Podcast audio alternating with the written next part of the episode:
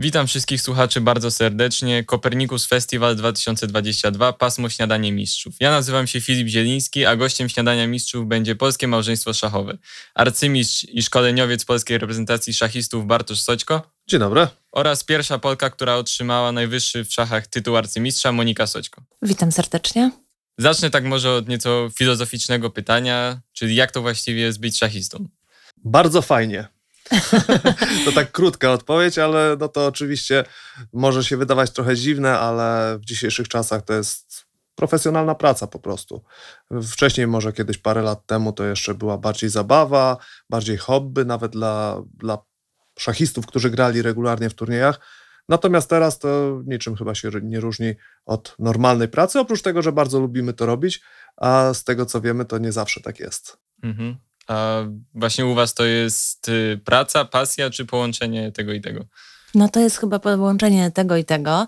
Y, tym bardziej, że szachy zainteresowały nas od najmłodszych lat. My w zasadzie od przedszkola, czy nawet przed przedszkola już można powiedzieć, y, potrafiliśmy grać w szachy i na początku, tak jak mąż tutaj wspominał, to była pasja, to była zabawa, a z czasem stało się naszym zawodem po prostu. No i właśnie mamy to szczęście, że uprawiamy zawód, który lubimy, który kochamy, który sprawia nam cały czas satysfakcję i radość też y, odbiły się szachy mocno na waszym życiu, bo poznaliście się dzięki szachom, czy, czy jakoś inaczej? Poznaliśmy się bardzo wcześnie, bo rzeczywiście, tak jak Monika powiedziała, od najmłodszych lat gramy w szachy, także na tych turniejach się spotykaliśmy często. E, aczkolwiek miłość rozkwitła troszkę później, ale to. tak, to nie była miłość od pierwszego wejrzenia. Ja gdzieś e, próbując e, znaleźć dokładny czas, kiedy się poznaliśmy, bo e, tak jak mąż tutaj mówi, jesteśmy z tego samego rocznika, więc graliśmy e, w turniejach, wtedy to były turnieje tylko takie dla dzieciaków, tak?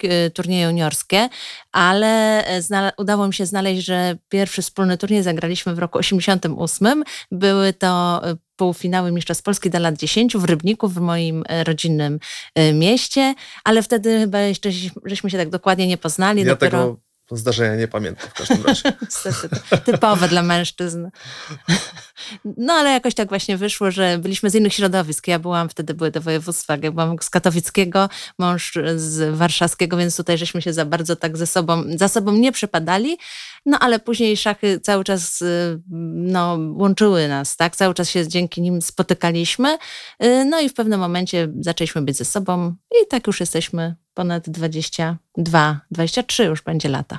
A jak te szachy wpływają właśnie na wasz związek, pomagają, bo potraficie się nawzajem zrozumieć, czy mimo wszystko w jakiś sposób przeszkadzają? Ja myślę, że to bardzo pomaga, bo jednak robimy, e, znaczy gramy w szachy, a drugi partner rozumie, co, co, na czym to polega, co trzeba robić, prawda?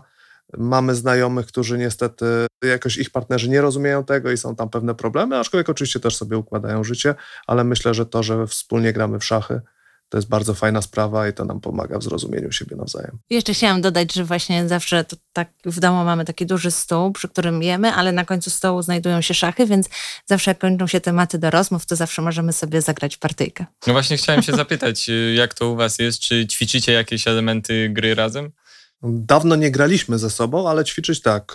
E, często nam się zdarza, że rzeczywiście jakieś mamy rozmowy na temat jakichś e, wariantów, debiutów, analizujemy wspólnie, ale grać to już chyba nie graliśmy parę miesięcy. Tak, ostatnio jakoś nie grywamy, bo teraz mamy dość taki, e, no można powiedzieć, no te wszystkie turnieje, które w czasie covidowym były odwoływane, teraz jest ich natłok, więc mamy zaległe ligi, które rozgrywaliśmy, teraz będą oczywiście Mistrzostwa Polski, ale tak, głównie teraz trenujemy, zresztą Zresztą Bartosz jest moim trenerem głównym, więc e, czerpię tą całą wiedzę od niego głównie i to najwięcej mi daje. Zresztą tutaj wspomniany tytuł arcymistrza właśnie męskiego, który jako jedynej Polsce na razie udało mi się zdobyć, to właśnie y, głównie zawdzięczam właśnie mojemu mężowi. No nie mów tak, Monisiu, przecież to ty grasz, to nikt inny nie gra, tylko ty No tak, grałaś, ale to przygotowanie i tą pracę, y, którą ja włożyłam, ale dzięki właśnie mojemu mężowi, to, to właśnie to, to, to było dokonanie tego, że zdobyłam ten tytuł arcymistrza, co tak dla kobiet przynajmniej nie jest łatwym osiągnięciem. Właśnie wracając do, do poprzedniego pytania, to miałem na myśli, że,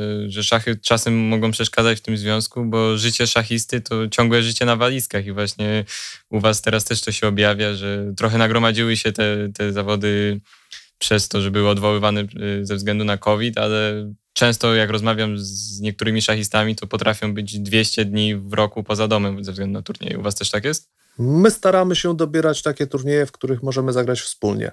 Nie zawsze się to udaje e, i rzeczywiście, tak jak powiedziałeś, tych turniejów jest teraz masa. 200 e, dni w roku. U nas pewnie wychodzi trochę mniej, ale rzeczywiście jest e, bardzo wiele tych dni, kiedy jesteśmy poza domem.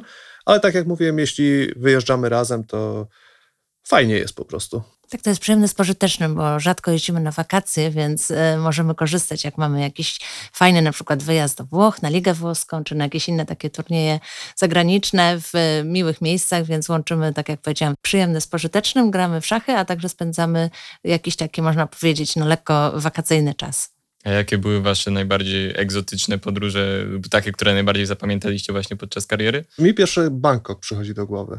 I mi się przypomniała zresztą taka ciekawa historia z tego turnieju, bo rzeczywiście polecieliśmy do tego Bangkoku przy okazji zagrać w turnieju, ale głównie na wakacje. E, zresztą tam większość zawodników z Europy, którzy, którzy tam przyjechali właśnie w takim samym celu, e, jeździli na ten turniej. E, po czym zostaliśmy skojarzeni w którejś rundzie, musieliśmy grać partię i wszyscy, i sędziowie, i inni zawodnicy właśnie tak z uśmiechami na twarzach patrzyli na to, co my robimy, spodziewali się, że zrobimy jakiś szybki remis i pójdziemy na plażę, czy, czy zwiedzać miasto. Natomiast nasza partia trwała ostatnia w całym turnieju, to znaczy do, do samego końca. Graliśmy chyba 7 godzin i w jakiejś głębokiej końcówce zrobiliśmy remis. Już tam po prostu wszyscy zaczęli się śmiać z tego, zresztą sędziowie, sędziowie już też tacy byli zażenowani troszeczkę, bo myśleli, że też szybciej pójdą do domu, a musieli czekać, kiedy skończymy. No, ćwicząc razem znacie też pewnie sporą część swoich debiutów czy wariantów, które zagraliście zagrywa się w konkretnych sytuacjach. No gramy podobne rzeczy, tak. Jak analizujemy coś, to staramy się wspólnie wykorzystywać te, te warianty, te debiuty, które wcześniej analizowaliśmy. Mhm. No, szachy są takim ciekawym sportem, bo z jednej strony jest, są jednym z niewielu sportów, gdzie kobiety rywalizują z mężczyznami na jednych turniejach, ale z drugiej strony w rankingu top 100 FIDE jest tylko jedna kobieta. I właśnie skąd to się bierze waszym zdaniem i czy u was ta dysproporcja też jest widoczna w jakiś sposób właśnie ze względu na przygotowanie się chociażby? Wczoraj sobie tak myślałem właśnie, jakie mogą być pytania i na, na 100% byłem przekonany, że będzie właśnie o to. Pytanie. Tak, to jest taka zmora trochę nasza, na, znaczy się nasza, mogę powiedzieć, o kobietach, bo zawsze jest to pytanie, dlaczego y, mężczyźni grają lepiej w szachy od kobiet. E, no niestety, to jest prawda. Grają dużo lepiej i chyba tutaj w każdej dziedzinie, jeżeli tak patrząc na to konkretnie, na przygotowanie szachowe, na przygotowanie na przykład debiutowe, na wiedzę szachową, e, na, na przygotowanie jakieś kondycyjne, na, na no, no, no chyba każdy, każdy tutaj aspekt tego przygotowania, tego podejścia do szachów, no wszyscy, w każdym aspekcie mężczyźni, nie wiem dlaczego, e, są lepsi. No, zawsze tutaj mamy takie wytłumaczenie, że kobiety w pewnym momencie zakładają rodzinę i jednak Wspomnia, wspomniałeś tutaj o tych wyjazdach. No, mi było bardzo ciężko na początku, jak zostałam matką, mamy trójkę dzieci i ciężko mi było pogodzić te wyjazdy, szczególnie y, kiedy wyjazdy trwały 10-14 dni. Y, niejednokrotnie no, w ogóle fizycznie było to niemożliwe. Y, dzieci karmiłam prawie do pierwszego roku życia, więc jeździłam z nimi na turnieje. Było to bardzo ciężkie i uciążliwe, więc no, myślę, że to jest jeden z powodów, dla których kobiety grają gorzej. Ale ten argument miałby sens, zawsze tak jak mówisz, no, w jakimś starszym wieku, wieku seniorskim, natomiast ta dysproporcja jest widoczna również e, wśród juniorów i no, juniorek. No niestety tak, od samego początku. Ja mam takie wytłumaczenie tego wszystkiego, no, biorąc pod uwagę to, co właśnie, zresztą sam jestem trenerem, mam też e, juniorki pod opieką juniorów, także e, wydaje mi się, że cała, cała rzecz tkwi w tym, że dziewczynki, czy powiedzmy, no nie wiem, kobiety może nie, ale no już tak w młodszym wieku dziewczynki, nie są tak mocno zainteresowane takimi rzeczami jak szachy. Nie wiem, z czego to wynika, z biologii, czy z jakiejś psychologii, czy z czegoś innego. Natomiast jak się spojrzy na chłopców, e, jeśli dopuścić takiego dziesięcioletniego chłopca do komputera, to on może tam przesiedzieć 10 godzin, prawda? Grając w różne gry, robiąc cokolwiek, no jeśli dziewczynkę posadzić przy komputerze, raczej ona tyle czasu nie wytrzyma, prawda? Bo to ją w pewnym momencie znudzi, nie będzie jej tak mocno interesować. E, I wydaje mi się, że to jest główny problem. To znaczy, tak jak mówię, no, chłopcy są w stanie poświęcić, e, nie wiem, całą noc, żeby zagrać w grę. Szachy są też grą oczywiście, są sportem, są grą, są sztuką w pewnym sensie, ale, ale wydaje mi się, że przede wszystkim właśnie są tą grą i chłopcy jakoś tak naturalnie mają ciągoty do tego, żeby poświęcać się tej grze prawda? Czy to będzie, mówię, gra komputerowa, czy szachy, ale, ale łatwiej im to poświęcenie przychodzi niż dziewczynkom. Dziewczynki nie są w stanie aż tak mocno się zainteresować grą. Mhm, no ostatnio też czytałem badania, że po prostu mniej dziewczynek zaczyna grać w szachy i przez to też mniej potem jest na tym najwyższym szczeblu, bo mimo wszystko sport, y, no ogólnie sport czy, czy właśnie szachy bardziej są zdominowane przez, przez mężczyzn i to częściej właśnie chłopcy są zapisywani na zajęcia. Oczywiście, no ta piramida ma znaczenie, prawda? Jeśli u podstawy piramidy ta podstawa jest szersza, to wiadomo, że, że na górze też będzie więcej, prawda? W tym wypadku akurat chłopców. Ale to ciekawe, mówię trochę teraz w dzisiejszych czasach chyba niebezpieczny temat, bo to różnica między, między kobietami a mężczyznami, ale wydaje mi się, że to jakoś pewnie, nie wiem, psychologicznie, biologicznie jest powiedzmy zdeterminowane, że rzeczywiście dziewczynki aż takiego zainteresowania takimi grami typu szachy właśnie nie wykazują. No, z drugiej strony warto tutaj y, trochę przeczący tej tezie przykład podać Judith Podgard, ta, która była w czołowej dziesiątce najlepszych szachistów i jako dziewczynka, potem kobieta, mimo wszystko rywalizowała, wygrała chociażby z mistrzem świata Garim Kasparowem. Tak, wyjątki potwierdzają regułę. No jednak e, Judith Polgar była w historii szachów jedyna właściwie, która doszła do takiego poziomu, natomiast e, teraz, zresztą ciekawa, ciekawa sprawa, 1 maja ukazały się nowe rankingi, jak co miesiąc, i właśnie Monika zwróciła uwagę na śmieszną rzecz. Jeszcze w rankingach klasycznych e, też to widać, ale może nie tak bardzo, natomiast w rankingu szachów szybkich i błyskawicznych druga kobieta bodajże, tak, jeszcze pierwsza jest tam w pierwszej 500 bodajże ogólnego rankingu na świecie, natomiast druga kobieta w szachach błyskawicznych w ogólnym rankingu plasuje się na miejscu 5000, 4000, coś takiego. No Także to, daleko, no tak. To pokazuje, jakie, jak ogromne dysproporcje między właśnie poziomem tych szachów męskich a kobiecych są.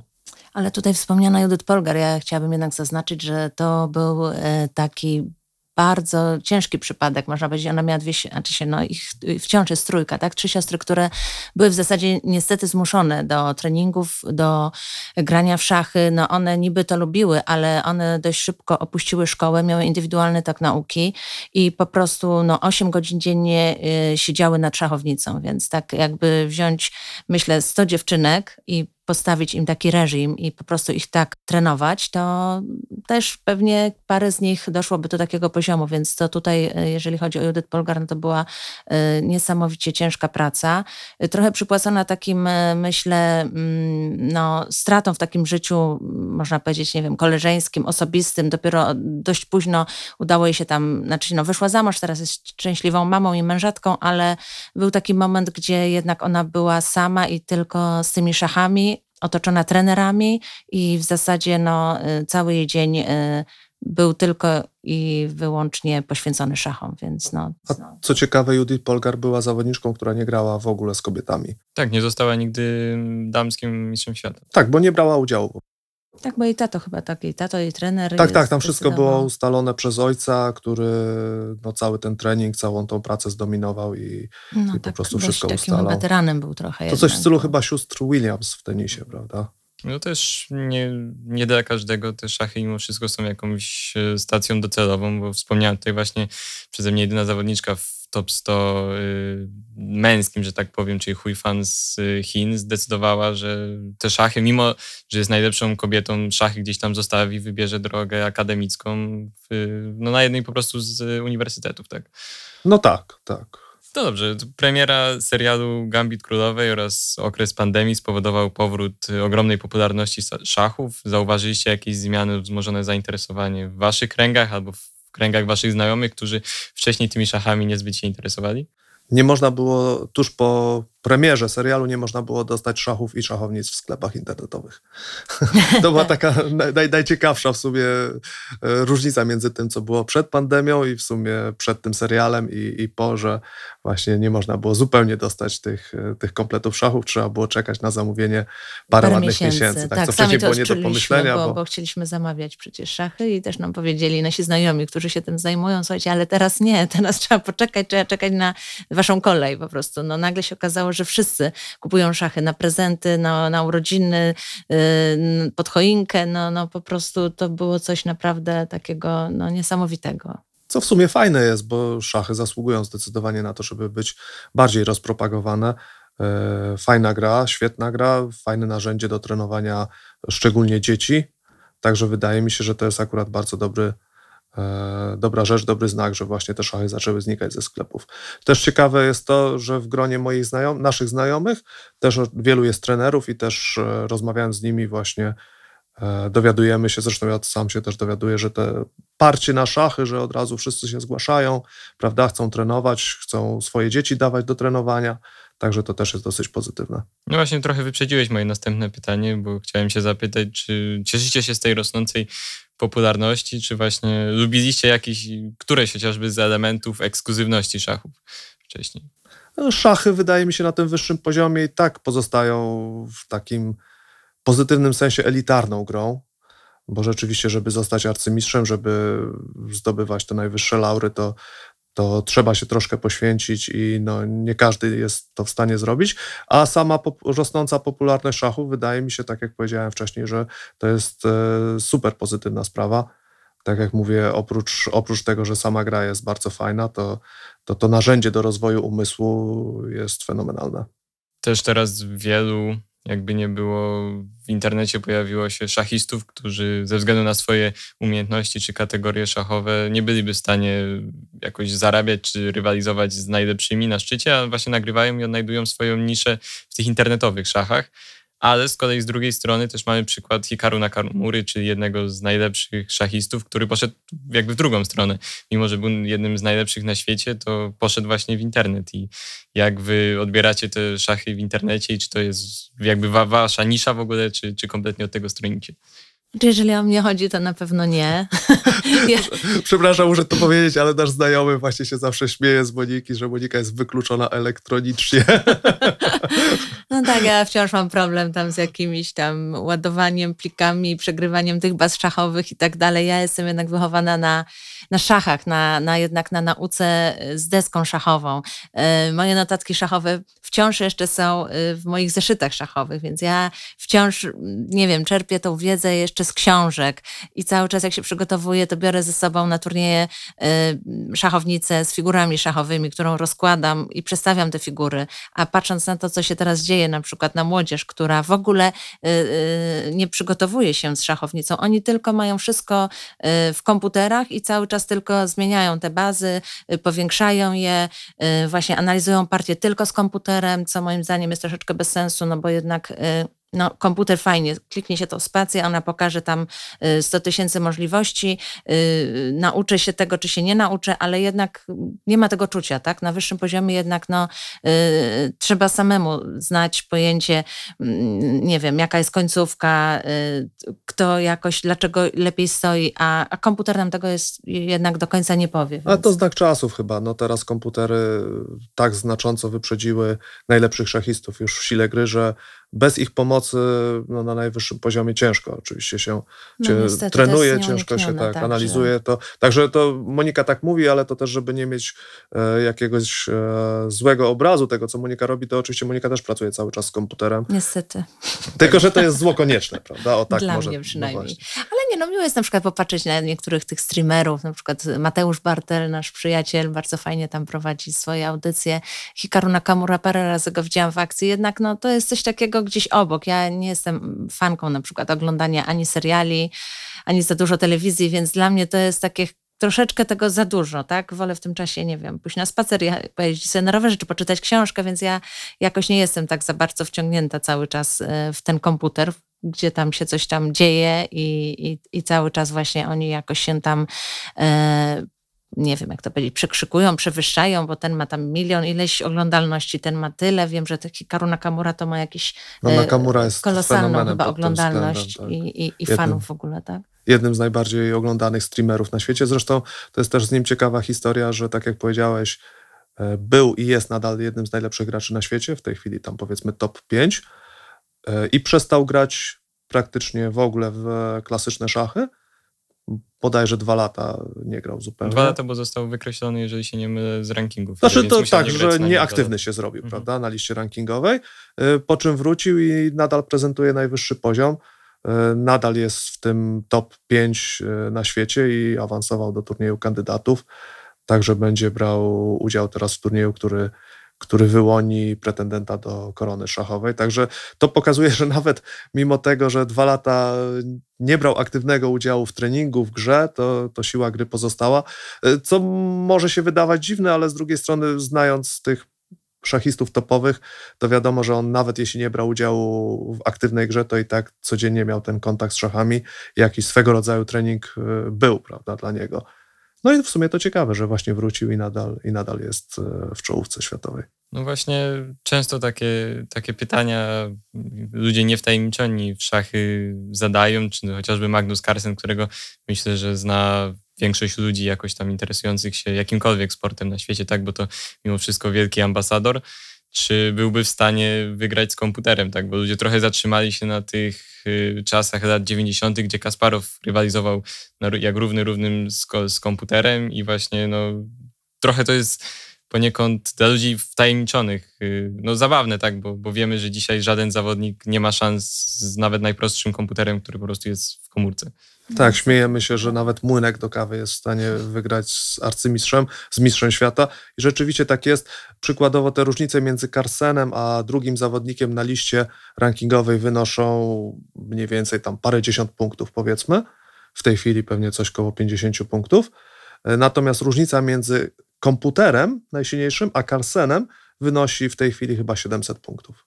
Także to są właśnie te rzędy tak, wielkości. to jest przepaść. To jeśli jeśli właśnie szans. to 50 punktów e, wśród ludzi to jest już dosyć, właściwie dosyć bardzo, bardzo dużo w rankingu, no to tam między komputerem a Carsenem jest 700 punktów. No właśnie też w szachach mamy trochę taki wyścig technologiczny, jak ostatnio oglądamy chociażby w skokach narciarskich, że wszyscy szachiści starają się mieć jak najlepszy sprzęt właśnie pod względem e, komputerów. Wiem, że w Polsce są szachiści, którzy korzystają ze specjalnych bardzo y, drogich baz danych nawet, bo jakby komputery po prostu nie są w stanie takich procesorów uciągnąć. Jak to u was jest? Czy wy też korzystacie z jakichś specjalnych komputerów, programów? Ja nie.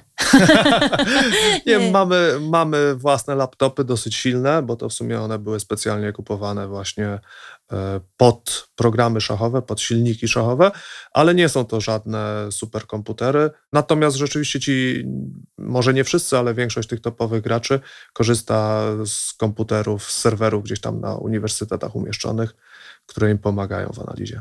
Oj, to za dużo, za dużo. Dla mnie to jakieś jest takie, nie wiem, ja rozumiem, że trzeba z tego korzystać, ale jednak e, no to już chyba jest przesada, bo to już jest w pewnym momencie takie troszeczkę odczepienie się, że za, za, za, za dużą rolę ma ten komputer i te całe przygotowanie takie szachowe, y, nieczysto szachowe właśnie i, i, nie, i tutaj nie wygrywa jakoś człowiek, tylko wygrywa właśnie ten, który na przykład ma lepsze te procesory, ma lepsze te programy analizujące, gdzie tam jakaś pozycja po 30 ruchu, która powstaje, się okazuje, że nasz przeciwnik jednak przeanalizował ją do 33 ruchu, a ja tylko do 30, no i niestety. Ale to też jest fajna pułapka w profesjonalnych szachach, w profesjonalnym przygotowaniu, że wielu zawodników e, na poziomie powiedzmy takim nie, nie tym top 10, ale top 100, e, trochę za bardzo właśnie idzie w te komputery, idzie w analizę tymi silnikami, natomiast e, ci zawodnicy właśnie z top 10, oni mają cały szereg sekundantów, którzy im w tym pomagają. I to nie wygląda tak, że Carson siedzi nad komputerem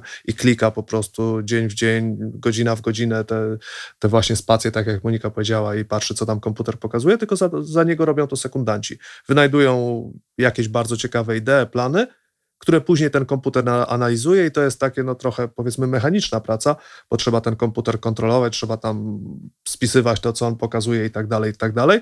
Natomiast myślę, że chodzi o to, że właśnie ci sekundanci mają to robić i później przekazują na przykład temu Carsenowi wyniki tego wszystkiego. Wspomnieliście już, że wiele turniejów y, zostało odwołane przez COVID, ale też wiele turniejów przeniosło się do internetu tak sądząc po tym, co, co mówiliście, wolicie mimo wszystko grać stacjonarnie niż online, ale zdarzało wam się grać właśnie na jakichś turniejach przez internet? O, tu jest bardzo przykra sprawa z tymi turniejami przez internet, e, bo co prawda są organizowane te turnieje, w których chociażby Janek Duda gra, e, często Radek gra i inni topowi gracze grają, no to one są rozgrywane między właśnie tymi najlepszymi szachistami, to tam jest wszystko ok. Przynajmniej tak to wygląda. Natomiast e, w turniejach ciut niższej rangi, czyli nie na tym topowym światowym poziomie, tylko powiedzmy arcymistrzowskim, ale ciut niższym poziomie, z morą są cheaterzy.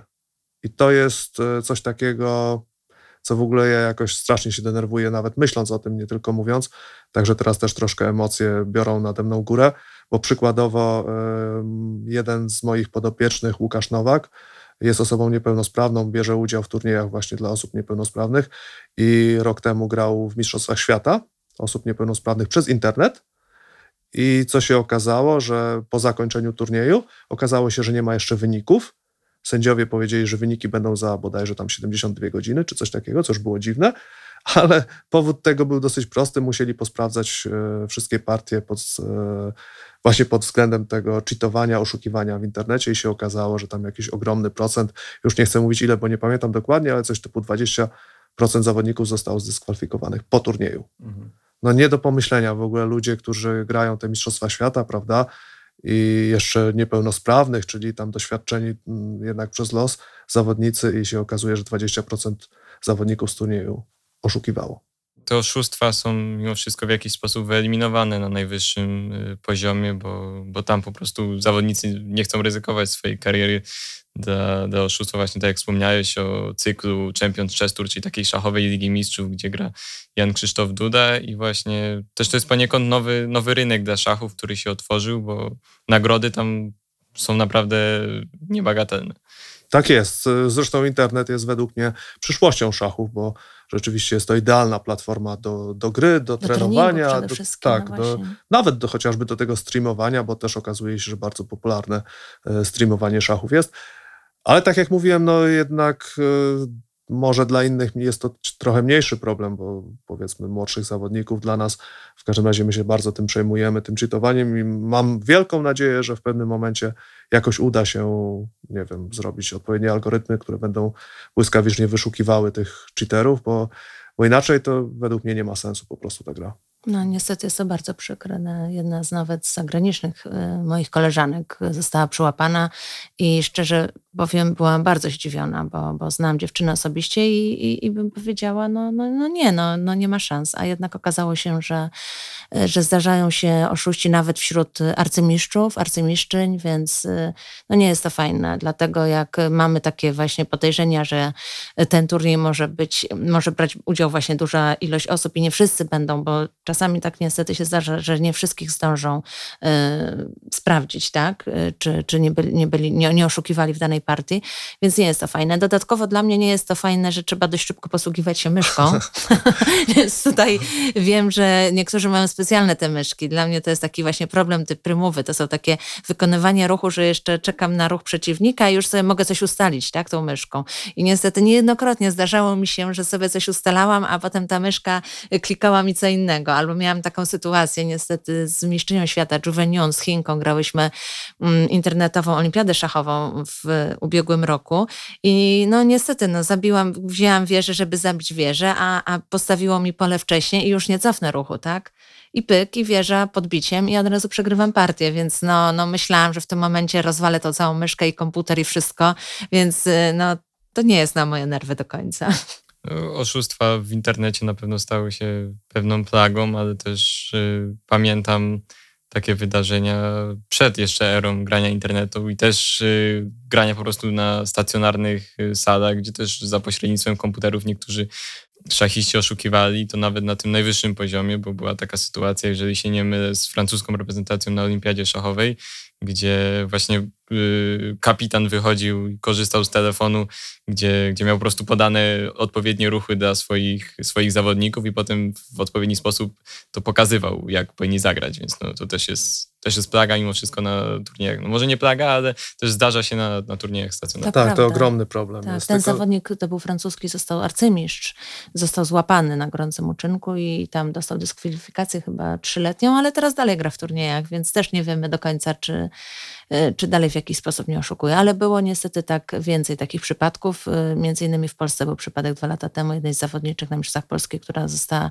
ewidentnie złapana na oszustwie z telefonem. Nie, na Mistrzostwach Polski nie została złapana. Tak, złapana za później, no ale już na, Mistrzostwach Polskich oszukiwała, tak. I dopiero później zdołali złapać, ale korzystała z telefonu komórkowego, więc no, to jest też coś niewyobrażalnego y, dla nas jako ludzi, dla nas jako zawodników, dla nas jako zawodników, którzy dla ludzi, których to jest nasza praca, tak? Czyli tak jakby ktoś nas no, oszukiwał, tak jakby ktoś nas okradał, bo e, okazuje się, że e, sobie coś tam sprawdzi, coś tam zobaczy i wygra partię, a, a, a jednak no i co, i prześcignie nas w rankingu, wygra jakąś nagrodę, a to wszystko jest jedno wielkie oszustwo, więc no na pewno fajnie by było, żeby w przyszłości już e, lepiej to wszystko było zorganizowane, jeżeli chodzi o taką kontrolę tą anty-cheatingową właśnie, tak? No tylko, że to jest problem, szczególnie na mniejszych turniejach, bo jeszcze cyklu, nie wiem, gry o Mistrzostwo Świata, czy nawet e, Mistrzostwo Kraju, no to pewnie da się to zrobić. Mniejsza liczba zawodników bierze w tym udział, a w turniejach masowych, openach, które są jednak e, organizowane tam za ograniczone środki, e, bierze udział powiedzmy 300 zawodników i tego się nie da wykluczyć, prawda? Wnieść telefon na salę gry jest bardzo prosto czy nawet zegarek, który, tak jak mówiliśmy wcześniej, no, ten zegarek jest w stanie z mistrzem świata wygrać bez żadnego problemu. Także jeśli ktoś jakieś takie urządzenie elektroniczne wniesie na, na salę gry i będzie z niego korzystał, to bardzo ciężko jest go złapać, a z drugiej strony może wygrywać partię za partią bez problemów. No ale też jest też y, z drugiej strony. Znamy takie przypadki y, mojej koleżanki z Węgier, y, gdzie ona zagrała turniej, y, grała bardzo dobrze do pewnego momentu. Po kilku rundach, y, gdzie ona miała komplet punktów, zawodnicy, konkurenci jej zaczęli oskarżać, że ona oszukuje, a ona nie oszukiwała. No i niestety był problem, no bo zaczęło się, że ona chodzi z torebką do toalety, prawda, no tam miała jakieś swoje powody, zaczęli ją kontrolować, zaczęli tam jej mówić, że dobrze, jeżeli nie to, to na pewno gdzieś tam w jakiejś szmince masz tam jakąś, jakieś chipy czy coś, więc no to też było, y, no ona była tak piętnowana, no niestety źle się to dla niej skończyło. Praktycznie też potem przerzuciła się troszeczkę na coś innego już tam na komentowanie. Ale w tym turnieju jeszcze przegrała wszystkie partie do końca, tak? Przez to. Tak. Tam zaczęła płakać, tam się oczywiście psychicznie...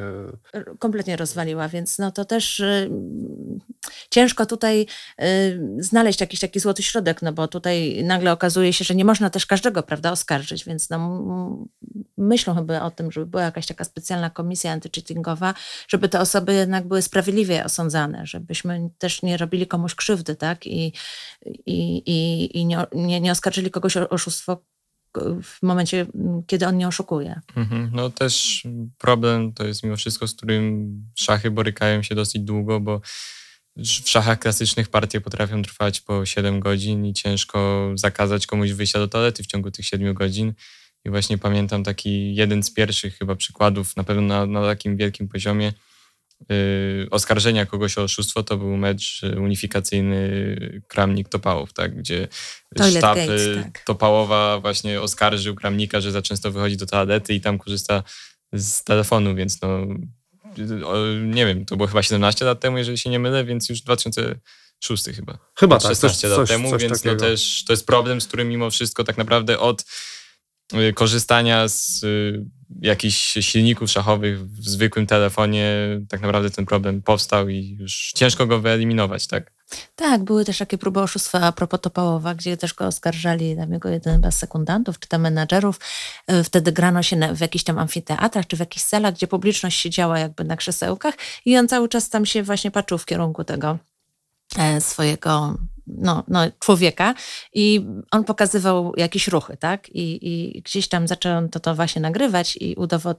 chcieli mu jakoś udowodnić, no ale ciężko to było udowodnić, prawda? No bo, no co, no może się patrzeć, prawda, na, na, na publiczność, może się patrzeć dookoła, więc z czasem właśnie zaczęto jakoś te turnieje tak robić, że zawodnicy już grają w zamknięci w jakiś tam Tak teraz było właśnie w Dubaju mecz o Mistrzostwo Świata między Carsenem a Nepomnaszczym, gdzie obaj zawodnicy siedzieli w takiej szklanej klatce. kopule, no właśnie. Tak. I nie, nie widzieli, co się dzieje na zewnątrz. Zresztą z tymi sekundantami siedzącymi na, na trybunach to jeszcze mi się też przypomniała historia z meczu Karpow-Korcz, i to już zamierzchłe czasy, gdzie grali na Filipinach i tam właśnie Karpow z całym sztabem swoich ludzi przyjechał ze Związku Radzieckiego. Tam byli lekarze, byli masażyści, był kucharz yy, i był też yy, doktor. Właściwie nie wiem, jak to powiedzieć, bo to był niby on był doktorem, ale yy, jakiś był psychologiem, psychoterapeutą i w ogóle człowiekiem od, od e, jakichś takich powiedzmy nadprzyrodzonych rzeczy, jakkolwiek dziwnie to nie brzmi.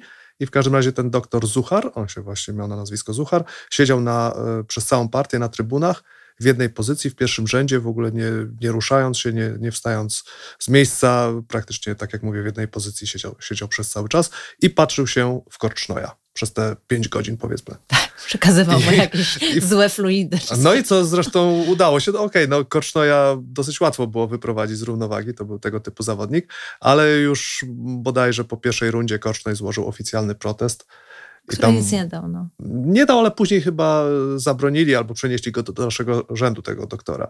W każdym razie ciekawe właśnie było to, że ten doktor Zuchar siedział i się wpatrywał przez 5 godzin w Korcznoje. No też ciężko jest uniknąć takich y, pokus czy, czy jakichś brudnych zagrywek w momencie, gdy te szachy na najwyższym poziomie rozgrywają się o ogromne pieniądze, tak? No mecz, o którym wspomniałeś, Carson nie pomniałeś, czyli odbywał się o 2 miliony y, dolarów, jeżeli się nie mylę, albo euro, 2 miliony na pewno a też y, no, jakby wszyscy zawodnicy z tego najwyższego topu, z czołówki, no, zarabiają około miliona rocznie, tak, złotych. Więc no, ciężko, ciężko tego uniknąć i właśnie chciałbym teraz pomówić trochę, bo te pieniądze to są. To jest temat, który wśród y, ludzi nieinteresujących się szachami może być nieco zaskakujący, bo tak naprawdę, jeżeli popatrzymy na inne sporty indywidualne na świecie, ale zarówno w Polsce, to ciężko jest dorównać szachom w kwestii nagród. Nawet pamiętam, że do zeszłego roku chyba w kwestii y, Mistrzostw Polski w tenisie nagroda była mniejsza niż Mistrzostw Polski szachu. Ostatnio Mistrzostwa Polski w szachach rzeczywiście mają jakiś taki dobry czas, bo ten fundusz nagród y, przez ostatnie bodajże 3, 3, 3 lata chyba, tak? W ostatnich trzech latach bardzo wzrósł w porównaniu do tego, co było kiedyś, ale też, żeby trochę nie zwiodły nas te liczby, te 2 miliony dolarów, milion złotych, czy tam ile to jest niestety zarezerwowane tylko dla pierwszej dziesiątki, pierwszej dwudziestki na świecie. Dalej e, nie idzie to jakoś tak, e, powiedzmy, stopniowo, że pierwszy Carson zarabia tam 50 milionów dolarów, a dwudziesty zarabia milion dolarów. Nie, nie, nie, niestety później to spada bardzo mocno. I oprócz e, tych naprawdę najlepszych graczy na świecie, to inni arcymistrzowie już tyle aż nie, nie zarabiają. Zresztą to widać po tym, co się z nimi dzieje, co z tymi graczami się dzieje. Nie mają możliwości grać w turniejach, zaczynają praktycznie e, wszyscy zajmować się trenowaniem. Także okej, okay, no ja też nie chcę narzekać, bo pieniądze w szachach są rzeczywiście, ale, ale tak jak mówię, no pierwsza dwudziestka, pierwsza dziesiątka ma zdecydowanie większe możliwości zarabiania niż, e, niż zawodnicy z dalszych pozycji którzy też sobie oczywiście radzą, ale, ale to nie są już takie kosmiczne pieniądze. Właśnie pamiętam taką anegdotkę, którą mi opowiadał y, Radosław Wojtaszek, czyli mistrz Polski podczas pracy z y, Wishim Anandem, czyli mistrzem świata aktualnym, że właśnie Anand y, jechał w Indiach, przemieszczał się pociągiem po prostu i współpasażer zapytał go o pracę. Y, Anand odpowiedział, że no, gra w szachy, a współpasażer odpowiedział, że no, ale czym się zajmuje zarobkowo, tak? Bo szachy to może być hobby, ale czym się zajmuje zarobkowo, bo mistrz świata tylko w szachach może dobrze zarabiać, a nikt inny tam no, nie zarabia tak naprawdę. I to była anegdota, że po prostu ten współpasażer go nie rozpoznał, ale też daje taką fajną perspektywę właśnie, że, że ludziom się wydaje, że tak naprawdę tylko mistrz świata może zarabiać jakieś pieniądze, a te pieniądze, to o czym wspomnieliśmy, są zdywersyfikowane chociażby w internecie i tam można można fajnie zarabiać, czasami nawet więcej niż na turniejach, ale też ze względu na właśnie szkolenie, też jakoś utrzymywać się z tych szachów można. Mm, tak, tak. No ten streaming rzeczywiście wielu szachistów to poszło i okazuje się, że można z tego całkiem niezłe pieniądze wyciągnąć. Ale tak jak mówiłem, no większość jednak tych arcymistrzów, którzy, którym nie, nie udało się powiedzmy przedrzeć do tej dziesiątki najlepszych na świecie, no zajmuje się trenowaniem. To jest e, najbezpieczniejsza chyba praca dla nich. Ta popularność e, szachów zbiegła się również z sukcesami Jana Krzysztofa Dudy. Wygrał Puchar Świata i jako pierwszy reprezentant zakwalifikował się do turnieju kandydatów, o którym wspomniałeś, czyli turnieju wyłaniającym rywala dla mistrza świata.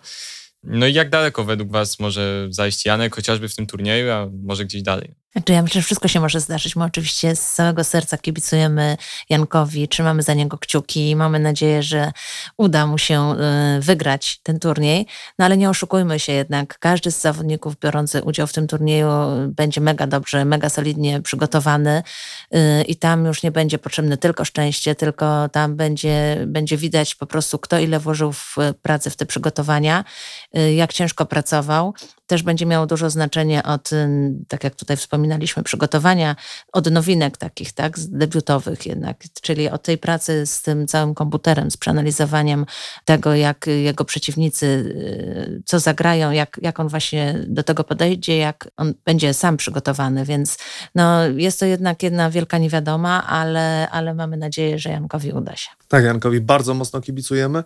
Nie tylko z tego względu, że jest Polakiem, ale przede wszystkim z tego, że jest fajnym gościem. Po prostu jest bardzo sympatycznym młodym człowiekiem. Także od razu zjednuje sobie sympatię i mocno trzymamy za niego kciuki. Tak jak Monika powiedziała, wiele będzie rzeczywiście zależało od tego przygotowania. Tu się muszę przyznać, że troszkę się tego obawiam, bo Janek oczywiście bardzo mocno się przygotowuje, to jest jasne. Ma treningi ma indywidualne, ma e, sesje treningowe ze swoimi sekundantami. Zresztą Grzesiek Gajewski i Kamil Mitoń, jego trener Kamil Mitoń bardzo mocno pracują właśnie nad tymi takimi aspektami czysto technicznymi, czyli tam warianty, nowinki, debiuty i tak dalej. Ale tak jak powiedziałem, troszkę się obawiam, bo mimo tego, że Janek oczywiście teraz większość czasu poświęca na to przygotowanie do kandydatów, całą energię i większość czasu, to się obawiam tego, że jego przeciwnicy nie tylko większość, ale po prostu cały czas spędzają nad szachami. Co zresztą e, ciekawe, że Firuzja od paru miesięcy się zupełnie nie pojawia ani w internecie, ani w żadnych, nie wiem, telewizjach, wywiadach, po prostu nigdzie. I to może być znak, tego, że 24 godziny na dobę po prostu poświęca przygotowaniu do kandydatów. Natomiast Janek, no nie 24, troszkę mniej, ale to, to właśnie mam nadzieję, że to nie zaważy. Mam, znaczy ja wiem, że Janek i tak, i tak nawet on, jeśli nie, nie siedzi przy stoliku, przy szachownicy, to i tak wiadomo, że on myśli o szachach.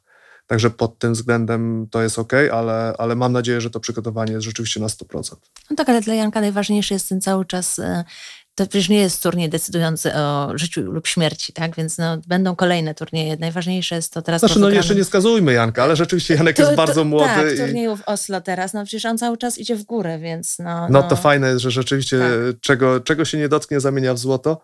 Y, jaki turniej nie zagra, to w ogóle z przyjemnością się ogląda tą jego, tę jego grę i, i te jego wygrane. Teraz zagrał, tak jak Monika mówiła, w Oslo ten turniej ciężko nazwać internetowym, bo oni byli na miejscu, a grali przez internet, też ciekawe i też bardzo ładnie wygrał. Tam Carson grał, prawda? Inni, inni zawodnicy topowi grali, także, także jest, jest szansa, że rzeczywiście Janek y, bardzo mocno teraz pracuje, znaczy jest szansa, no na pewno bardzo mocno pracuje i jest szansa, że w tym turnieju kandydatów się pokaże z dobrej strony. Kiedy go poznaliście pierwszy raz, y, w jakim to było wieku, ile miał lat Janek i czy przewidywaliście wtedy, że będzie tak dobrym szachistą, bo wiemy, że szachowych talentów, szczególnie w Polsce, było kilka, ale też wiele gdzieś tam zniknęło po drodze.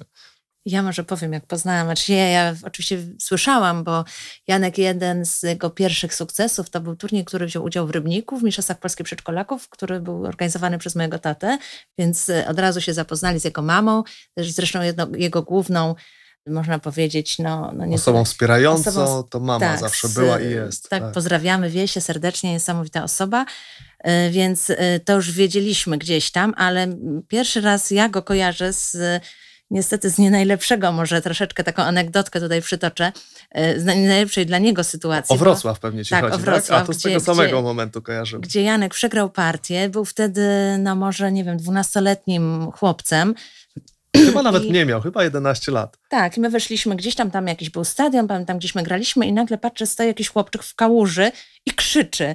Krzyczy strasznie mocno i skacze w tej kałuży, wszystko się rozpryskuje i tam podchodzi właśnie Wiesia do niego, jego mama, ale on nic nie chce słuchać. Trener, wtedy chyba Leszek Ostrowski był jego trenerem, też w ogóle nie chce słuchać, po prostu był tak zaangażowany w tą porażkę, tak ją przeżywał, a ja już wtedy, będąc mamą, już wtedy mieliśmy trójkę dzieci, po prostu chciałam się jakoś zachować w ten sposób, że po prostu gdyby moje dziecko się tak zachowało, no to no po prostu ja bym chyba nie wytrzymała. No niby dzieci nie powinno się bić, nie powinno się tam dać klapsów, ale to dla mnie była taka, no tylko jednak nie, nie, nie do końca sobie zdawałam sprawę właśnie, jak on y, te szachy już wtedy traktował. Tak, tak ta, on... ambicja, ta ambicja tak. była bardzo silna i zresztą było widać, my się tak, tak jak Monika mówi, troszeczkę zdziwiliśmy, troszeczkę, to za mało powiedziane, ale bardzo mocno zdziwiliśmy się jego zachowaniem.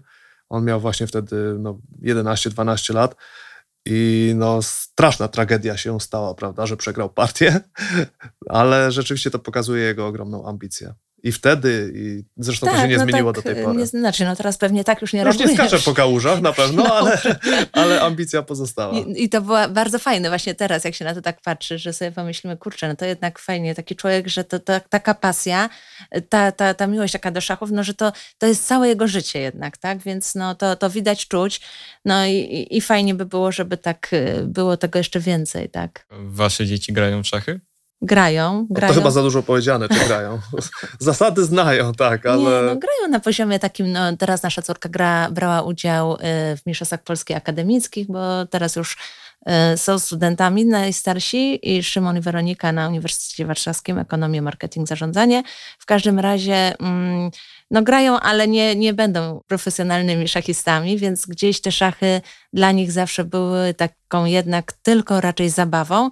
Y, nie zmuszaliśmy ich nigdy, troszeczkę żałujemy, bo nasz y, syn Szymon, teraz dwudziestoletni, jak był w wieku przedszkolnym, wykazywał ogromny talent. No po prostu y, czegoś takiego chyba... Y, no... Tak bardzo mądre dzieci mamy, bardzo utalentowane. nie, no to wiadomo, ale, ale jeżeli rzeczywiście chodzi... Szymon pod względem tak. szachowym bardzo, Szymon bardzo się nigdy się nie uczył wariantów, nigdy nie trenował, ale miał to czucie, miał to coś, że my widzieliśmy, jak on gra partię, a on zawsze ofiarował figury, zawsze atakował króla, zawsze chciał dać mata i co ciekawe, że nigdy nie przeżywał. No właśnie, może tego mu zabrakło. Tutaj wspominaliśmy historię Janka, gdzie nasz syn nigdy nie płakał po przegranej partii, zawsze po prostu spływało to po nim jak po kaczce, jak to się mówi, nic tam, trudno, przegrał, wygrał. Y, no niestety w pewnym momencie y, zaczął grać piłkę nożną, zresztą do teraz mu to zostało, więc gdyby w weekendy był wybór między turniejem szachowym a turniejem piłki nożnej, to zawsze wybierał piłkę, więc no niestety dość szybko te szachy znaczy szachy go nigdy specjalnie nie interesowały i to był chyba główny problem. Tak, tak. A co ciekawe, właśnie Weronika, najstarsza nasza córka, e, my nie chcieliśmy zmuszać naszych dzieci do, do gry, tak powiedzmy Tylko troszeczkę. nauczyć chcieliśmy. Tak, nauczyliśmy, tak. jest zasad, nauczyliśmy co, co robić dalej, jakiś tam podstaw. E, braliśmy na turnieje czasami, ale generalnie nie zmuszaliśmy nigdy. Natomiast e, jakiś czas temu nasza najstarsza córka Weronika nam właśnie powiedziała, że ma do nas pretensje, że jej nie zmuszaliśmy do gry w szachy. Ale też szachy, nawet jeżeli dziecko nie zostanie w przyszłości zawodowym szachistą, są dobrym sposobem nie tylko na zabawę, ale właśnie też na jakiś rozwój intelektualny. Tak? Bo jest wiele badań, które pokazują, że po prostu szachy pomagają potem w funkcjonowaniu, w w, w zapamiętywaniu, w tak, nauce. W matematyce szczególnie. To żeśmy też zaobserwowali w szkole, jak dość szybko nasze dzieci były niezłe z matematyki, właśnie chyba y, dzięki szachom. A tutaj jeszcze może wspomnę o naszej młodszej córeczce Julci, która ma 16 lat i teraz jest y, nauczycielką szachów. Raz w tygodniu daje lekcje w Uwielinach, w takiej miejscowości. Czyli ciągłość została zachowana. Tak, tak. Także bardzo też jest to takie fajne, że gdzieś te szachy w naszych dzieciach cały czas y, są. Zresztą teraz takie życie studenckie nasze dzieci prowadzą i mówią, że niejednokrotnie właśnie na takich imprezach studenckich spotyka się to, że nie tylko tam się jakoś spędza czas, ale wyjmują po prostu szachownicy w jakichś barach, pubach, klubach. No nie do pomyślenia sytuacja, nie? Impreza studencka i nagle dawajcie zagramy w szachy.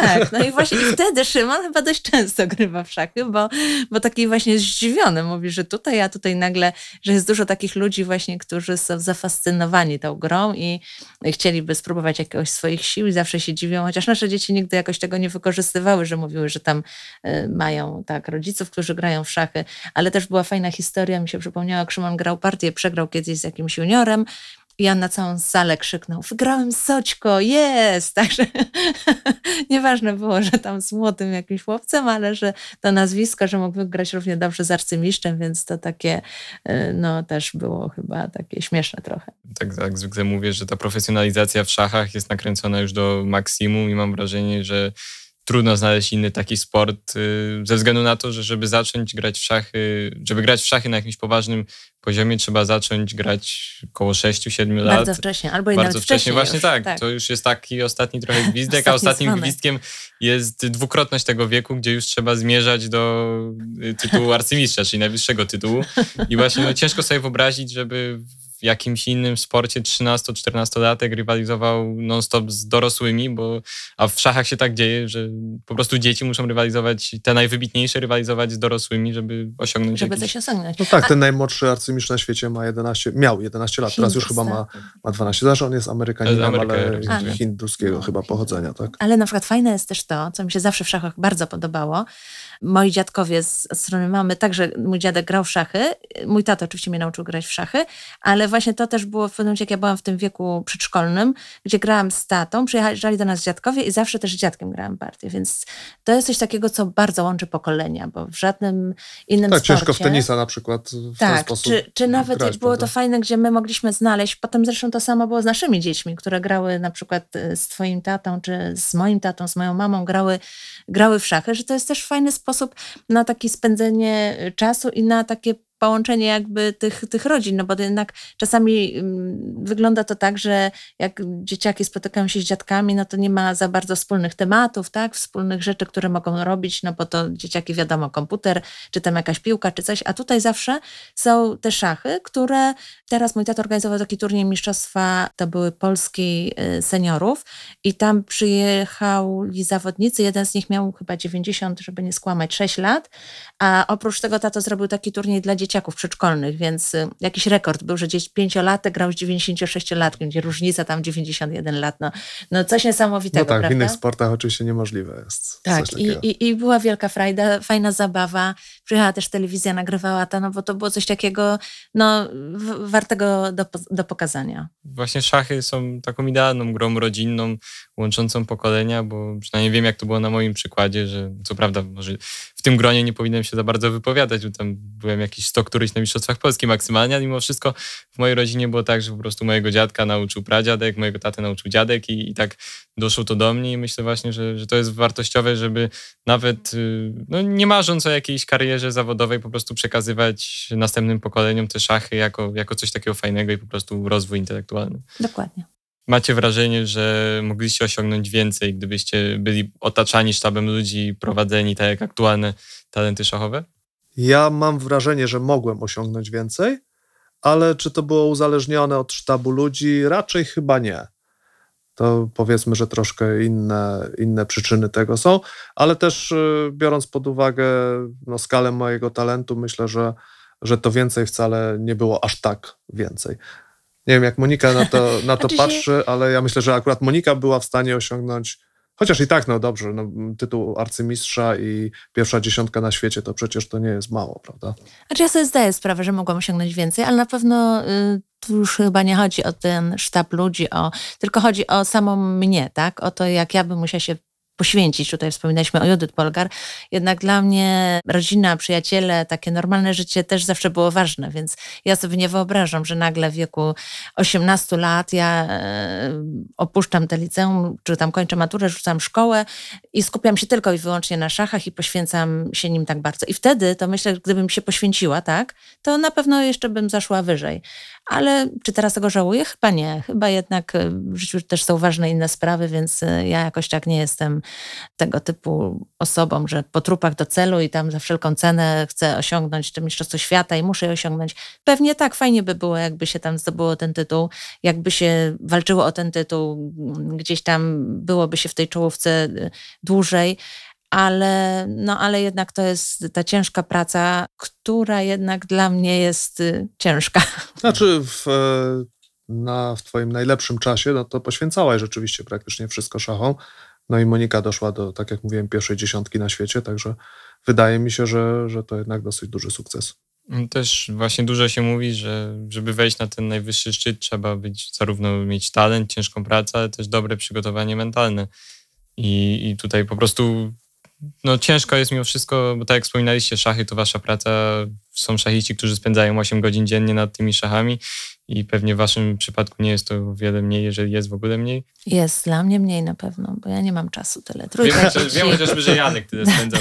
Bo, bo im Znaczy Janek właśnie- według mnie spędza znacznie więcej niż 8, ponieważ może tak jak teraz- nie spędza nad szachami czas, to i tak spędza Mhm. nad nimi czas. O tak, Tak, właśnie no tak dziwnie są powiem. niesamowici, no po prostu, bo jednak w wolnym czasie, czy jedziemy gdzieś tak jak z Jankiem, podróżujemy na przykład, jesteśmy na lotnisku, no to oni potrafią grać partię na ślepo, nie, w szachy, a oni potrafią cały czas rozmawiać o tych szachach, o wariantach, a jednak jak y, my dziewczyny na przykład jesteśmy na mistrzostwach jakichś drużynowych i spotykamy się ze sobą, no to także mamy inne tematy, więc no tutaj jest takie to troszeczkę dziwne, że mężczyźni szachiści raczej jak już właśnie są tak skupieni i siedzą w tych szachach, no to praktycznie każdy posiłek, na posiłku rozmawia się o wariantach, z kim grasz, y, co on gra, aha, tutaj sycylijska wariant Scheffeningena, to może zagraj tutaj ten ruch, to jest taki nowy, bo tam ten ostatnio ktoś tam, tam Aronian zagrał to i to jest fajna idea, no a my na przykład siedząc przy śniadaniu, no to rozmawiamy sobie o tym, o jaka jest fajna pogoda, może pójdziemy na spacer, co założysz na partię, no takie jakieś Co właśnie... bardzo fajnie w sumie łączy to z naszymi tymi pierwszymi pytaniami dzisiaj, czyli dlaczego kobiety grają słabiej w szachy. To rzeczywiście jest tak, jak Monika mówi, na turniejach e, faceci w swoim własnym gronie nie rozmawiają praktycznie o niczym innym, tylko o szachach. Nawet po partii, przed partią, wszystko jedno. Na, na posiłkach to, to, to jest zdecydowanie dominujący temat, a wśród kobiet no tak nie, nie jest. Jest ten trening szachowy, ale też y, coraz więcej mówi się o, o treningu chociażby fizycznym. Wiemy, że Wspomniany Janek często biega, pływa, żeby przygotować się paradoksalnie fizycznie do, do siedzenia przy szachownicy, bo siedzenie przez 8 godzin przy szachownicy również potrafi zmęczyć. I jak to u Was jest? Czy macie jakieś rozpisane plany treningowe? Czy, czy... Trochę tak. Zresztą my zawsze uważaliśmy, że trening szachowy z treningiem fizycznym jest nierozerwalnie złączony. Po prostu no, bez tego nie ma treningu szachowego. Musi być. Mm, dla mnie najczęściej to było takie przygotowanie. Miałam dokładnie rozpisane, że musiałam godzinę poświęcić albo na bieganie, albo na jazdę na rowerze. No spacer, no to już tak średnio się do tego wliczał, ale, ale właśnie tak, y, to o czym mówisz, ta energia, ta siła, która jest potrzebna na te mm, ciężkie partie, gdzie trwają po 5, 6, 7 godzin dziennie przez y, kolejnych 9-11 dni, więc ostatnie rundy mają decydujące znaczenie i bez tego przygotowania y, fizycznego ciężko jest, ciężko jest to uzyskać. No, człowiek bardzo szybko wysiada, to nawet jeśli, tak jak Monika mówi, turniej nie trwa 11 dni, 11 rund, to, to już jeśli człowiek jest słabo przygotowany fizycznie, to już nawet pierwszego dnia w pierwszej rundzie bardzo mocno to może być widać. Może czasami się udaje, że nie, ale najczęściej już właśnie w pierwszych rundach od razu widać, kto, kto jest w jakiej formie fizycznej. Nie czysto szachowej, ale fizycznej. I to już od paru lat zresztą, od paru, od paru dziesięciu lat w profesjonalnych szachach już to funkcjonuje. To może być dziwne dla postronnego widza, ale, ale rzeczywiście właściwie era Kasparowa to zapoczątkowała, czyli tam od lat 80. już praktycznie. E, gdzie to przygotowanie fizyczne jest integralną częścią treningu każdego profesjonalnego szachisty. Ta wasza dbałość o trening fizyczny w jakiś sposób jest waszym sposobem na długowieczność przy szachownicy, bo nie chcę wam oczywiście niczego tutaj odbierać, ale, ale w momencie, gdy chociażby o Magnusie Carsenie, który ma 32 lata, mówi się, że to już nie jest ten sam Magnus Carsen, co w latach młodzieńczych, a on sam zastanawia się, czy przystąpić jeszcze raz do, do obrony o Mistrzostwo Świata, to mimo wszystko w tych szachach, w tych realiach ten wiek ma znaczenie i, i wiemy, że ta zdolność przy szachownicy spada z wiekiem. Przemija niestety, tak. Ale... ale można rekompensować doświadczeniem, nie oczywiście w jakimś takim dużym stopniu, ale przykłady Gelfanda, Ananda. Korcznoja przede wszystkim. Korcznoja, Smysłowa jeszcze wcześniej pokazują, że rzeczywiście e, przy trochę, powiedzmy, zmienionym stylu gry daje się to rekompensować innymi, innymi rzeczami, ale ta energia, ta motywacja rzeczywiście z wiekiem znacząco spada, a to jest chyba główny, główny bodziec dla tych młodych szachistów, który daje im takiego właśnie powera i, i dzięki temu lepiej grają, lepiej mogą trenować, mocniej mogą trenować. Ale przykład akurat Carsena to bym się nie, nie zgodził, dlatego że e, okej, okay, no czasami mu się zdarzają słabsze turnieje, słabsze partie, ale wydaje mi się, że on nadal jeszcze progresuje. Tak obiektywnie to, co prezentował powiedzmy 5 e, lat temu, wcale, wydaje mi się, wcale nie jest e, lepsze od tego, co prezentuje teraz, a wydaje mi się, że nawet e, teraz gra lepiej niż wtedy. No to był trochę argument pod tezę, bo to wycofanie się z Mistrzostwa Świata wynika z tego bardziej, że on po prostu nie widzi godnego rywala dla siebie. W sensie widzi niektórych godnych rywali dla siebie, ale nie wszystkich, więc też mówi, że zagra o Mistrzostwo Świata, jeżeli ten kandydat będzie z młodego pokolenia, a nie z tymi, którymi już grał. Więc no zobaczymy. Ja mam nadzieję, bardzo dużą nadzieję, że on jednak będzie grał, bo jest najsilniejszym graczem na świecie. Okej, okay, te różnice nie są może jakoś bardzo duże, ale, ale nadal rzeczywiście jest najsilniejszym graczem na świecie i byłoby szkoda, gdyby ten najsilniejszy gracz nie brał udziału w meczu o Mistrzostwo Świata. Nie, myślę, że zagra, że to tylko takie jego gadanie. No, ale tak motywacji sobie, trochę stracił. No może tak, ale jednak y, no, bezsprzecznie jest wciąż najlepszym zawodnikiem na świecie. Jest jednak taka przepaść i cały czas mistrz świata i, i w te turnieje błyskawiczne i te wszystkie inne turnieje, patrząc ile on wygrywa w roku turniejów, no to nikt tyle nie wygrywa. Ale z więc... przepaścią bym się nie zgodził. Tam strasznie mu depczą po piętach. Według mnie przynajmniej. Depczą ale cały czas jest liderem, tak? I to rankingu prawda, tak. I, i, i, cały czas trzyma tytuł, więc no myślę, że to takie trochę było tutaj te jego zdanie takie nie do końca przemyślane, że po prostu tak chciał coś rzucić w eter, żeby właśnie zainteresować może publiczność, że coś się może wydarzyć, ale no ja jakoś nie wierzę, żeby tak po prostu teraz e, zbliżał się mecz o Mistrzostwo Świata Jan powiedział, nie, no tutaj ten zawodnik to mi jakoś nie odpowiada, on jest dla mnie za słaby, ja nie zagram. Bo no to byłaby jest, to na pewno duża strata tak, dla szachów. Tym bardziej, że on jest fighter, on jest zawodnik, który się nie boi, on nie boi się wyzwań.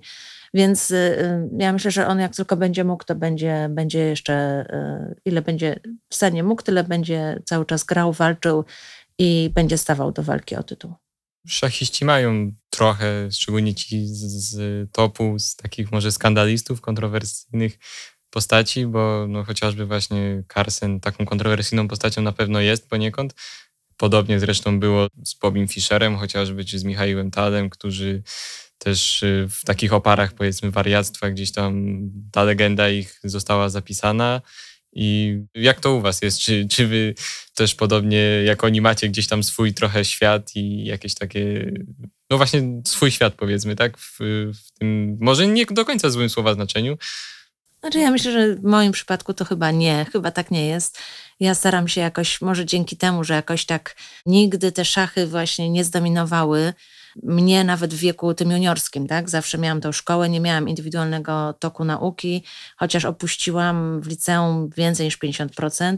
Miałam nieobecności w ciągu roku szkolnego, więc no, na pewno więcej mnie nie było niż byłam, jednak cały czas starałam się być, cały czas y, mieć ten kontakt z rówieśnikami, więc myślę, że jednak tutaj to to ma jakieś takie znaczenie, że ludzie się tak troszeczkę y, izolują od tych szachów, a później przyszła rodzina, przyszły dzieci, więc dość szybko też tu były takie inne sprawy, przedszkola, szkoły, więc no, chyba taka, taka zwykła normalność, która y, uratowała mnie trochę od tego mm, skrzywienia takiego troszeczkę.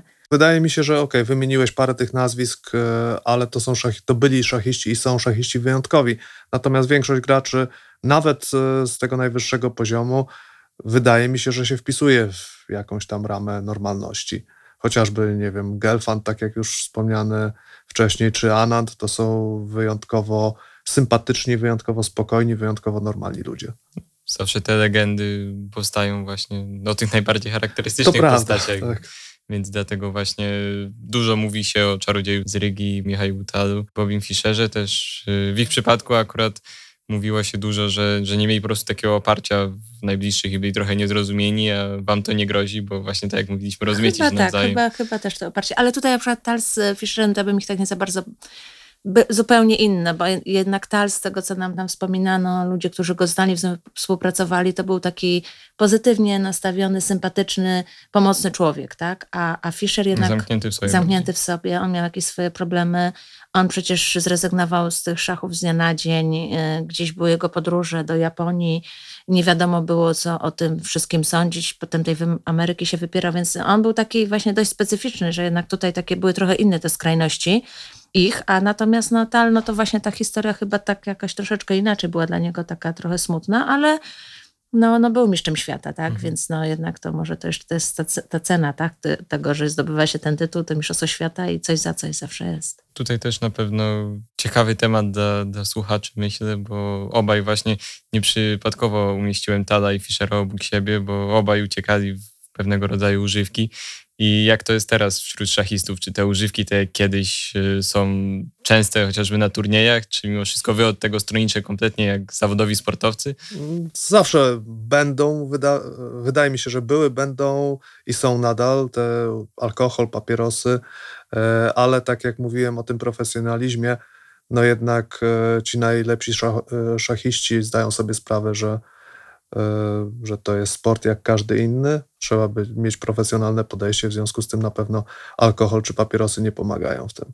Natomiast ciekawe jest to, że jeszcze tam 50 lat temu, właśnie w czasach, e, no już może, no powiedzmy Tala, Fischera, tam, czy nawet jeszcze Karpowa, rzeczywiście na tych turniejach szachowych to sale gry były spowite dymem papierosowym. Można tak, było w czasie jeszcze... partii przecież oni mieli popierniczki, mogli w czasie partii sobie palić papierosa. Tak, także jeszcze dmuchali przeciwnikowi w twarz tym dymem.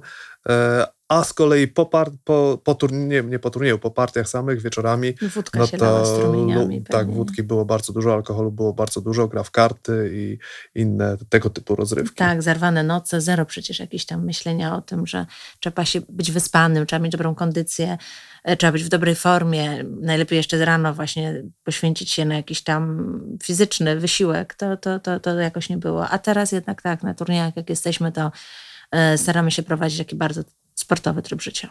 Tegoroczna edycja festiwalu Kopernikus y, poświęcona jest fenomenowi informacji, ale na szachownicy wszystkie informacje są podane jak na tacy. Nie ma żadnych ukrytych ruchów, gra jest zupełnie jawna dla każdego, kto do niej podchodzi, po prostu patrzy na tą szachownicę i widzi wszystko, co jest, y, jak stoją, stoją figury, stoją pionki, jak w takim razie przechytrzyć rywala, skoro nie da się nigdzie tam zataić żadnych posunięć, schować do, do rękawa jakiegoś pionka. Wszystkie informacje są jawne, ale ogrom tej, tych informacji jest e, tak duży, że żaden człowiek nie jest w stanie objąć tego, także jeszcze pole do jakiejś kreatywności i fantazji zostaje. Szachiści zapamiętują tysiące przeróżnych y, wariantów, y, debiutów, ruchów. Potrafią wiele po prostu partii odtworzyć sobie z głowy. Jak wy to robicie? Skąd macie taką dobrą pamięć? Pamięć jest rzeczywiście potrzebna, pomaga bardzo mocno, ale to troszkę, no w pewnym sensie mit w sumie z tą ekstra pamięcią. Zdarzają się oczywiście szachiści, którzy są w stanie zapamiętać bardzo wiele informacji. Bodajże Anand jakoś kiedyś był chyba w stanie jakąś książkę telefoniczną zapamiętać, coś tego typu, jakieś No, takie właśnie. Kasparow chyba. Kasparow tak funkcjonowało, taki, taka legenda, która właściwie chyba była prawdziwa, ale nie jestem do końca przekonany. Natomiast większość graczy, no jednak ciężką pracą to wszystko y, wykuwa, o tak można powiedzieć. No trzeba oczywiście siedzieć y, godzinami, powtarzać te warianty i tak dalej, i tak dalej, po czym się okazuje, że po tygodniu już się nic nie pamięta i po, po raz I kolejny nowa. i od nowa, tak. Także, także z tą pamięcią to różnie bywa. No, wydaje mi się, że bez ciężkiej pracy nawet z fenomenalną pamięcią nie jest y, się w stanie wszystkiego spamiętać. No tak, ja na przykład nie mam na pewno takiej fenomenalnej pamięci, ale myślę, że to ja, no to każdy ma jakieś inne, tak, potrzebne cechy, ale też chciałam tutaj wspomnieć, że ciekawe jest to, że wśród naszych szachistów, znajomych z tego świata, wielu z nich mówi w wielu językach, tak, czyli to też jest chyba też fajne, y, jak to tak obserwujemy, że ci szachiści, no chyba są niektórzy tacy. Tak, generalnie faktycznie- nie mają problemów z nauką innych języków, także to świadczy o tym, że rzeczywiście ta pamięć, chyba lata treningu jakoś tę pamięć rozwijają, czy pomagają na pewno. Też istnieje taki stereotyp, właśnie chciałem się zapytać, czy to jest tylko stereotyp, czy jest w tym jakieś, y, czy jest to prawda, że szachiści to zwykle umysły ścisłe. Też jesteście umysłami ścisłymi? Chyba w większości, ale niekoniecznie, bo też wśród naszych znajomych szachistów są ludzie, którzy pokończyli inne kierunku, kierunki studiów i, i to chyba nie jest aż tak, ale tak, tak, tak jest utarte. Tak? no tak Że się właśnie mówi, że szachy pomagają przy matematyce i Tak, statystycznie chyba większość rzeczywiście jest umysłów ścisłych. Nie jest to regułą, ale, ale rzeczywiście chyba Ale są wyjątki oczywiście. jak, jak, Jak, zwykle. w, Tak. jak wszędzie, tak.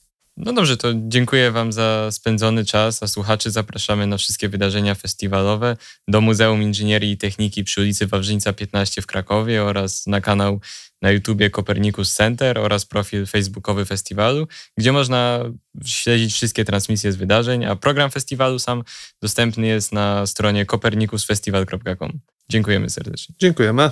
正奎啊！